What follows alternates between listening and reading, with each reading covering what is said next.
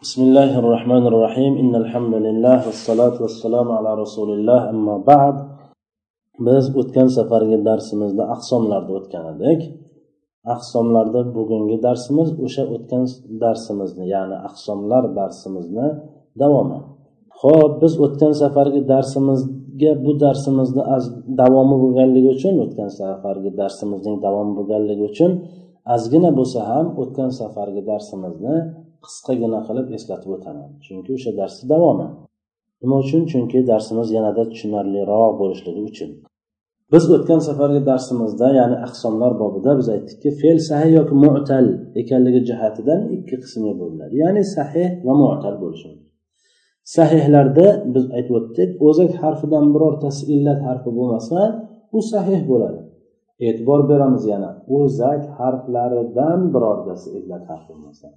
Zoida qo'shimcha harflar mabodo qo'shilgan bo'lsa vov alif yo uchov illat harf ham qo'shilgan bo'lsayu lekin o'zak harflarni hammasi sahih bo'ladigan bo'lsa bu baribir ham nima deb hisoblanaveradi sahih deyilaveriladi sahih uch qismdan bo'ladi. Solim mahmuz muzoaf. Solim ham mahmuz ham muzoaf ham hammasi sahih. Tushunarlimi? Endi bugungi darsimiz mu'tal ekan. Mu'tal kasallangan illatlangan degan. O'zak harflardan biri illat harfi bo'lgan kalimaga mu'tal ya'ni illat harfi deyiladi. Yana e'tiborni tortadigan joyi alohida urg'u berib o'tilishi kerak bo'lgan joyi o'zak harflari. O'zak harflaridan biri illat harfi bo'lsa o'sha kalimaga mu'tal ya'ni illatli deyiladi o'zak harflaridan birortasi illat harfi bo'lmasachi sahih deyilar edi. Ho'p mu'tal fe'llar besh qismga bo'linadi. Hujjatingiz nima desa qur'ondan hujjat keltiramizmi? Hadisda bor.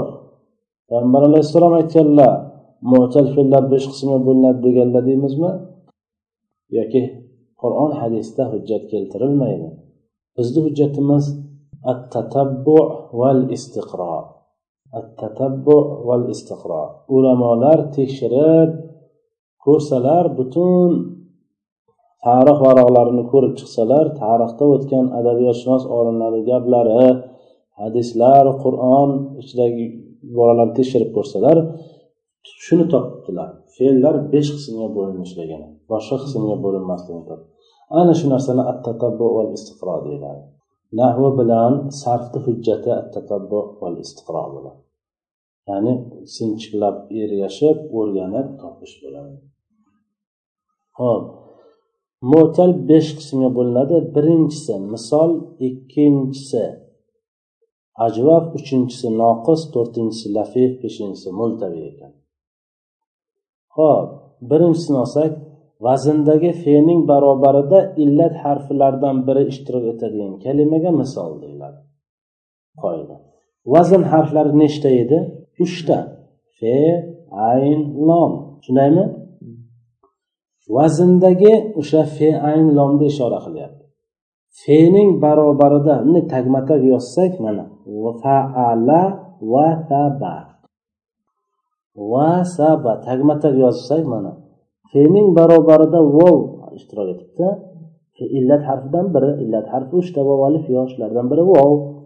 Shu vazndagi fening barobarida illat harflaridan biri ishtirok etadigan kalimaga misol deyiladi. Misol deb nomini qo'yilgan. O'zi misolni asli o'zbekcha ma'nosi tarjima qilsangiz ham o'xshash degan ma'noda keladi. Lekin buni tarifi shunday. Qaysi biz tekshirsak taroziga solsakda fen ro'barosida uchta harfdan biri. Vov alif ya. Shu bittasi ishtirok etib qolsa o'shanga misol deyiladi ya'ni otini misol deymiz.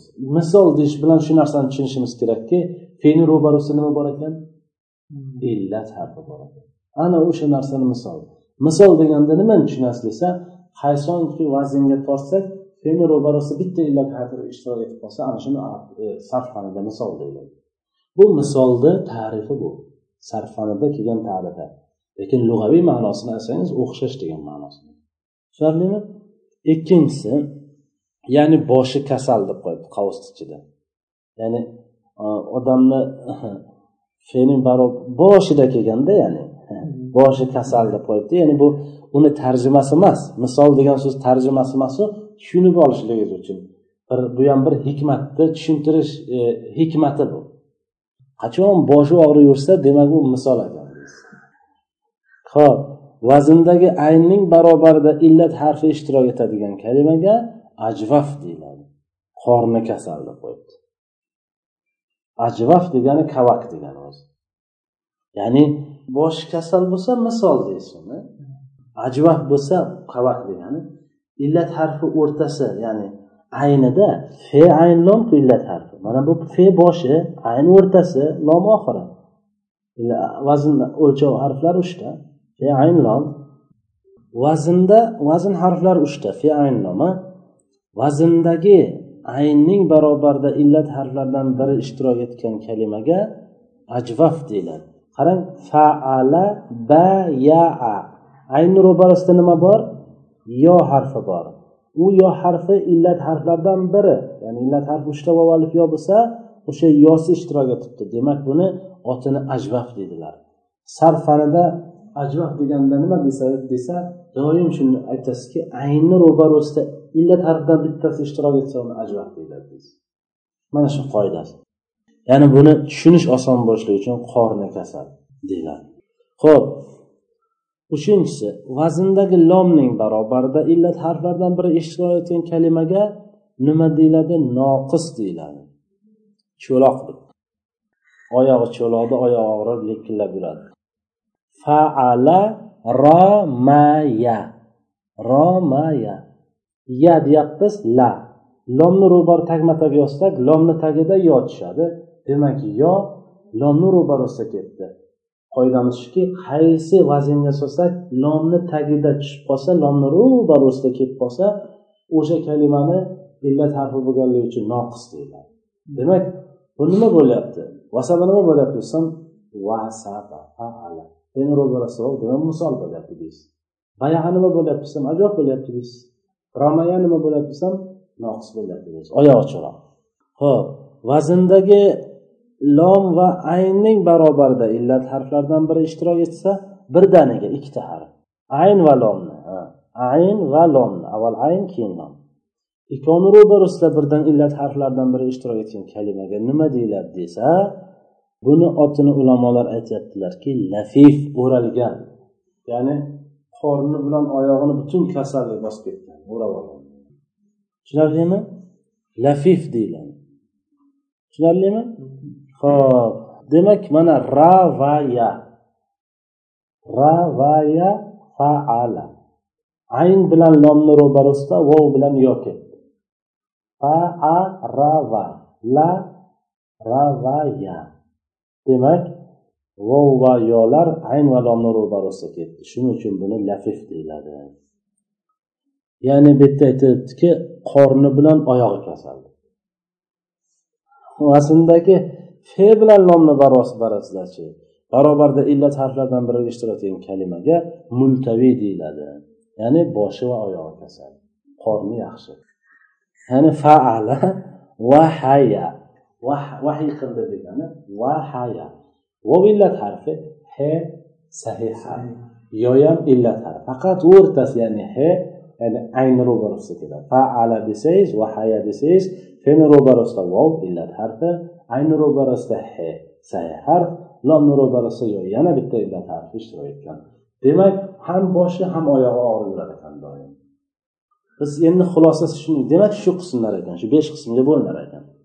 Demak xulosa fe'lni yo boshi og'riydi yo qorni og'riydi yo oyog'i cho'roq yo qorni va oyog'i og'riydi yo bo'lmasa boshi va oyog'i og'riydi.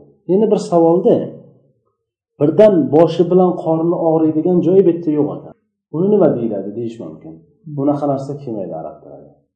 Shuning uchun ham bu yerda yo'qligi uchun shu uni misolini keltirilgan. Birdangina fe bilan ayni ro'barosida illat harfi ishtirok etmaydi. Ho'p uchovini ro'barosida ishtirok etsachi hammasini fe ayn lomni barobarisi bitta nomi yo'qku. Fe ayn lomni barobarisida illat harfi ishtirok etsachi desalar unda aytadilarki ulamolar unaqa kalima yo'q magaram bitta shuning uchun nom qo'yib o'tirishmaganlar qaysi? Va. Voy degan so'z. Voy degan so'z shu bor ekan boshqa yo'q ekan arab tilida shuning uchun ham uni nomi yo'q dedilar. Aksariyat uchratadigan narsalarimiz mana shu. Misol ajvaf noqis lafif multafi fe'l bo'lishi mumkin yo boshi kasal yo qorni kasal yo oyog'i kasal yoki qorni va oyog'i kasal yoki boshi va oyog'i kasal. Hech vaqt boshi bilan qorni og'rib qolmas ekan yo bo'lmasa hech vaqt bu boshi ham qorni ham oyog'i ham kasal bo'lmas ekan. Bitta joyda shu voy degan degan joydagina bo'lar ekan boshqa joyda kuzatmagan ekan. Qayerdan bilishgan desa ulamolar shuni kuzatib chiqqanlar qarasalar yo'q. demak unga nom qo'yishga ham ehtiyoj qolmagan agar bo'lganda uni ham topib kelib uni ham nomini chiqarib berardilar bugungi darsimiz shu bitta darsdan iborat ekan سبحانك اللهم وبحمدك أشهد أن لا إله إلا أنت أستغفرك وأتوب إليك السلام عليكم